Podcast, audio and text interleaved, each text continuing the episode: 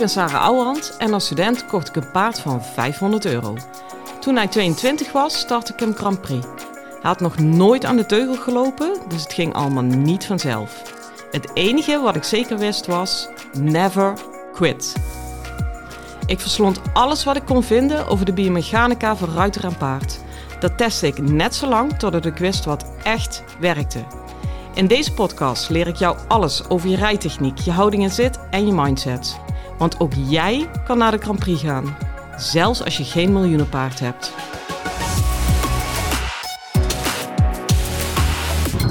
Hey lieve paardenmensen. Nou, daar zijn we weer. Ik ben op weg naar Gelderland. Daar kom ik niet super vaak. Deze clinic is een beetje ad hoc uh, ingevlogen.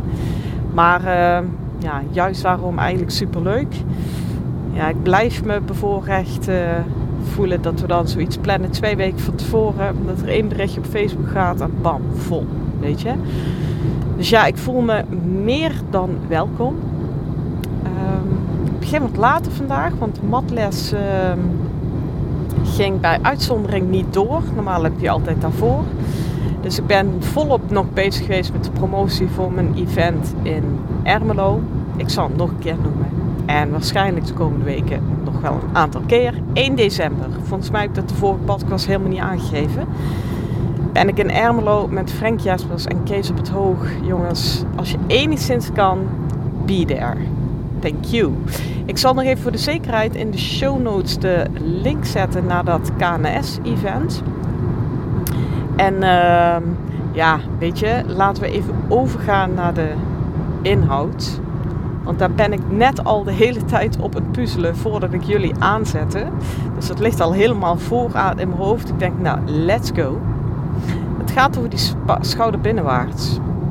En ik heb ooit, ik weet niet eens meer in welk boek, een keer de uitspraak gelezen. Het was wel in een boek, ook al zeg zo'n boekenburm.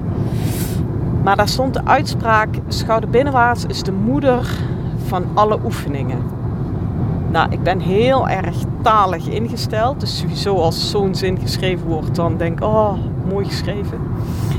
Maar wat het ook wel doet bij mij is, denk ja, super mooie uitspraak, uh, maar is dat ook zo? Het is een beetje zoals ik mijn hele leven doorbreng. Alles wat gezegd wordt, eerst een twijfel trekken en daarna mijn eigen conclusies trekken. Tot vervelend toe voor mijn omgeving. Maar ja, ik, uh, daar zit wel heel, heel, heel veel waarheid in. En het gaat dan natuurlijk, even, eh, alle gekheid op het stokje natuurlijk weer helemaal niet om wel of geen gelijk hebben. Maar meer over wat zegt dat over de rest van de oefening en hoe kan ik dat biomechanisch gezien nou werkelijk overal in benutten. Um, kijk, je kunt hem inderdaad de schouder binnenwaarts is de inzet van het appiëment. De schouder binnenwaarts heb je absoluut bevestigd nodig. Wil je een keertwending kunnen draaien? Wil je een pirouette kunnen draaien? Ik zie er zelfs ook een parallel in met de series. Uh, laten we de eners bekijken, want die zijn dan het meest duidelijke, omdat die het moeilijkste zijn. Leggen die dat het eerste bloot ener is voor mij, en dan oh, chargeer ik even heel erg, maar eigenlijk niks anders dan schouderbinnenwaarts links, schouderbinnenwaarts rechts. Links, rechts, links, rechts. Um, want dat is een goede galop links. Heb je een tikje schouder voor met de schouders. En een goede galop rechts heb je een tikje schouder voor rechts met de schouders. Nou, en als je dat per halve pas kunt afwisselen, dan heb je de eners. Um, welke oefeningen hebben we nog? Dan lopen ze allemaal na. Ja, een volte spreekt voor mij voor zich. Ook die draai je in vanuit de schouders. Uh, travers. Dat is nog wel een interessante.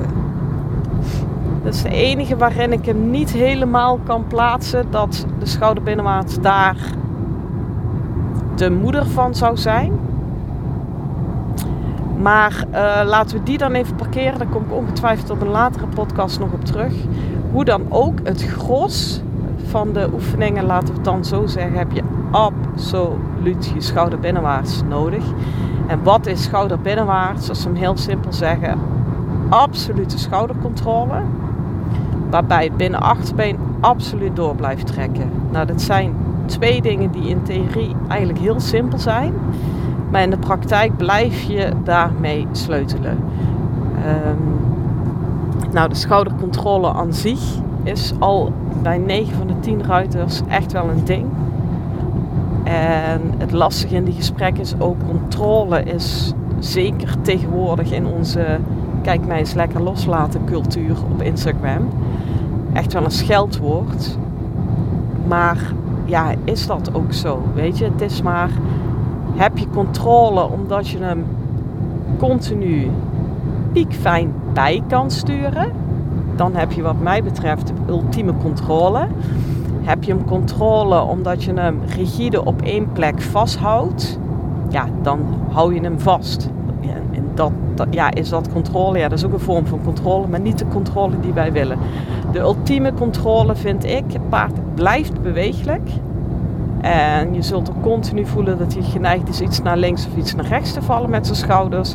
Maar dat kan je eigenlijk met een vingertikje, een pinktikje en het liefst nog met een heel klein tikje van je kuit bijsturen. Nou, dat is voor mij de meest positieve variant van controle die er is. Uh, ja, die hoort natuurlijk in die schouder binnenwaarts. Hè? Nou lijkt het misschien een open deur dat ik zo zeur over die schoudercontrole, maar neem van mij aan dat je denkt, wat ik echt wil, en ik heb dat ook besproken in mijn eerste dag van uh, Deurne, die masterclass die ik daar gaf. Als je schouder binnenwaarts echt ultiem wil checken of jij dat goed gaat kunnen. En als je hem al rijdt, of je hem goed kan verbeteren. Is rij nou eens gewoon op de lange zijde. En dan moet je echt in één keer pats van lange zijde naar lange zijde over kunnen steken. Dus geen ronde wending om soort van die, uh, naar de overkant te gaan. Nee, echt gewoon haakser dan haaks. Gewoon uh, als ik zeg 1, 2, 3, nu. Dan moet gewoon meteen klats, een 90 graden wending en naar de overkant, recht naar de overkant. Um, je zult vanzelf merken als je dat doet, dat je hem hier en daar toch nog even in de bocht mee moet sleuren. En ik dring juist zo aan op die haakse wendingen, want daarin wordt dat zo duidelijk waar je de schoudercontrole nog mist. Want op een volte valt er echt nog heel veel te moffelen. In uh, hoeken ook. Zelfs in de schouder binnenwaarts ook nog wel. Hoewel je daar al enigszins door de mand gaat vallen als het niet helemaal door, voor elkaar is. Maar zo'n haakse wending van lange zijde naar lange zijde, ja, daar valt gewoon niks meer te moffelen. Dus doe het nou maar en kijk vooral of die weg is van de buitenkant. Dus als jij die haakswending niet kan rijden, moet je niet gaan sleuren aan de binnenkant, maar krijgt die van mij uh, een duidelijke beenhulp aan de buitenkant. Snap je? Dus ik, ik open met mijn binnenhand de deur naar binnen toe. Dus ik maak, ik maak ook echt de beweging in mijn arm alsof ik een deur open maak. Dat is een openende beweging en dus geen trekkende beweging. Nou, die deur staat open, dan is de functie van jouw binnenhand is wel zo'n beetje uitgespeeld. Ga je daar nog meer mee doen, ga je sleuren. Moet je dus niet willen. Dus je zet de deur open en met je buitenbeen zeg je tegen hem, loop door die deur heen. En alles wat hij daar niet haaks door de deur heen loopt, krijgt hij van mij een grotere beenhulp aan de buitenkant. Nou, dan ga je eigenlijk, eigenlijk zit daar al, ik, zou, ik heb bijna de neiging om te zeggen van ja, dit is al het einde van de podcast. Uh, want ga dit nou naar eens doen, twee weken. En je krijgt daar al zo belachelijk veel informatie uit. Um, om wat ik zei, er valt niks meer te moffelen. En niet dat jij bewust zit te moffelen, dat doe ik ook niet. En toch, als ik dan meer, en ik verkondig het na notenbenen. En toch, als ik dan weer een keer haaks oversteek, denk ik, oh ja, ik zat toch weer een tikje te sleuren aan die binnenkant. Of oh ja, die buitenkant heb ik toch even een compromisje opgesloten. Nou, waarom moet je hem namelijk zo snel kunnen draaien? Omdat dat de enige manier is waarop je de kans zo groot mogelijk maakt dat daar achteraan het binnenachterbeen door kan komen. Dus alles wat je niet die schouders snel kan plaatsen, dat voel je bewust of onbewust. Dat ga je altijd, als je dat niet snel en, en, en vlug oplost, ga je dat altijd aan die binnenkant compenseren door te duwen, te trekken, te sleuren in meerdere of mindere mate. Maar voor je paard altijd te veel. Ja, en op het moment dat je dat doet aan de binnenkant, uh, is het binnenachterbeen gewoon uitgespeeld. Want die kan alleen maar doorkomen in een lange pas als jij die binnenkant helemaal vrij houdt. En dat is al tienduizenden malen door tienduizend trainers gezegd. Dus ik heb, breng echt niks nieuws onder de zon. Die pretentie heb ik helemaal niet. Maar het is zo tegennatuurlijk om in een wending die binnenkant helemaal vrij te houden, dat die toch iedere keer opnieuw gezegd en gecheckt moet worden. Dat is nu eenmaal zo. Ook bij mij. Ik ben daar wel een eind in. Maar nu ik het tegen jullie zeg, denk ik alweer van: oh ja, ik ga morgen weer even check, check, dubbel check. Um, ja, ik, ik, ben, ik val even stil omdat ik denk: zit ik niet te hard te preken met. Maar je, deze moet gewoon super, super, super goed voor ogen hebben. Anders, weet je, ze zeggen wel eens om de schouder binnenwaarts te verbeteren, moet je daarin gaan schakelen. Ja, weet je, als, als jouw binnenkant van die schouder binnenwaarts, uh, schouder binnenwaarts niet in orde is, niet open is, kun je je helemaal rot schakelen. Het wordt er gewoon niet beter van. Het wordt wat gerommel in de marge.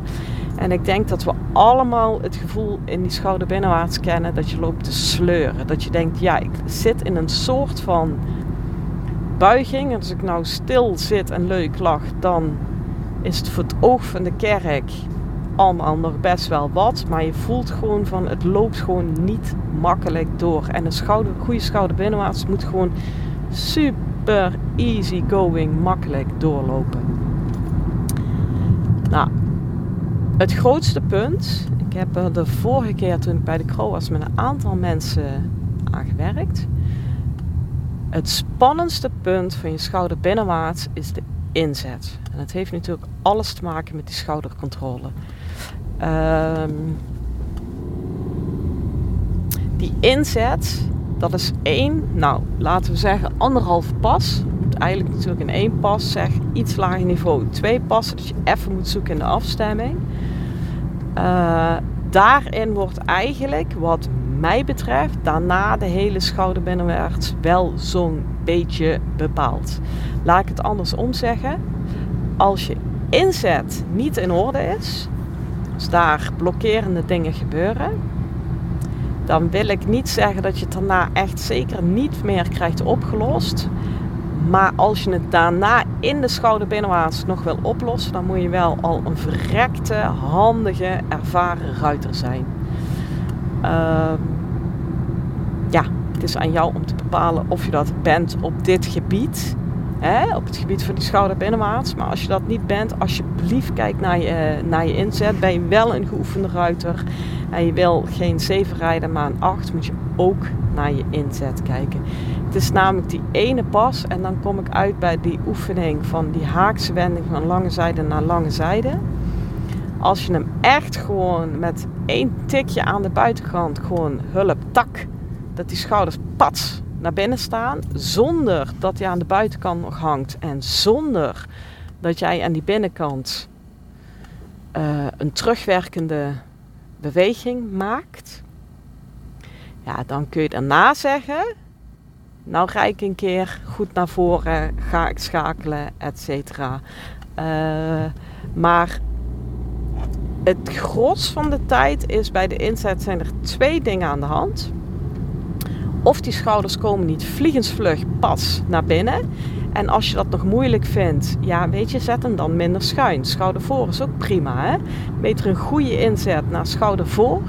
En als je die verbetert in het schakelen, dan uh, een slechte inzet naar schouder binnenwaarts. En dat je daarna loopt de klootviolen, want het heeft gewoon weinig gymnastische waarde. Uh, als hij inzet, nou, dan heb je dus een stuk schoudercontrole. Of je schouders zet je wel snel naar binnen, maar het paard krijgt dan in de gaten van oeh, nou moet ik dus harder doortrekken en binnen achterbeen. En dat hij dan daardoor achter wat afbreekt. Dus dat zijn eigenlijk een beetje je twee opties die in die eh, inzet kunnen gebeuren. En je moet voor de grap maar eens dat heel duidelijk in beeld brengen. En dat heeft natuurlijk te maken met dat haaks oversteken. Pak nou zo'n lange zijde en dan zie ik heel vaak mensen die schouder binnenwaarts inzetten en dan meters doorrijden. Doe dat nou eens niet. Pak op de lange zijde en zet je schouder binnenwaarts in. Gewoon tak, drie passen, 1, 2, 3, recht. En dan pak je twee passen recht, zet je hem tak weer drie passen in. 1, 2, 3, tak, 1, 2, recht, tak, 1, 2, 3. Ja, nou, uh, trust me. Dit is echt de minst eenvoudige oefening om een schouderbenenwaarts te verbeteren. Maar daar wordt u wel echt, echt veel beter bij. Weer vanuit de gedachte, omdat je dan heel duidelijk een kaart krijgt van ja, waar compenseer ik dan? Want dat je voelt dat het gefrot en wat gehang en gewurg is in zo'n schouderbinnenwaarts. Of als ik het positiever zeg, dat het net niet genoeg is of dat het ergens nog beter kan. Ja, dan moet je gewoon per stap gaan onderzoeken waar kan het dan nog beter. Is het schoudercontrole überhaupt? Is het de inzet? En als je die hebt afgevinkt, dan zou ik erin gaan schakelen. Um, dit is echt al een hele berg. Ik vraag het jullie vaker. Ik ben altijd zo benieuwd als je daar thuis mee aan de slag gaat. Laat het me even weten. Ik heb toevallig gisteren weer de show notes uh, bijgewerkt van jullie allemaal. Ik vind het altijd heel tof om reacties te zien. Waar ik nog blijer van werd om, om te zien dat er twee vragen in stonden. Ik ga die ook meenemen. Dus dat duurt soms eventjes voordat je vraag terugkomt. Maar tot nu toe heb ik ze altijd van iedereen meegenomen. Uh, ja, weet je, dus voel je vrij. Ook hierin. En uh, dan wens ik je voor nu een hele fijne dag en veel plezier met je paard. Hoi!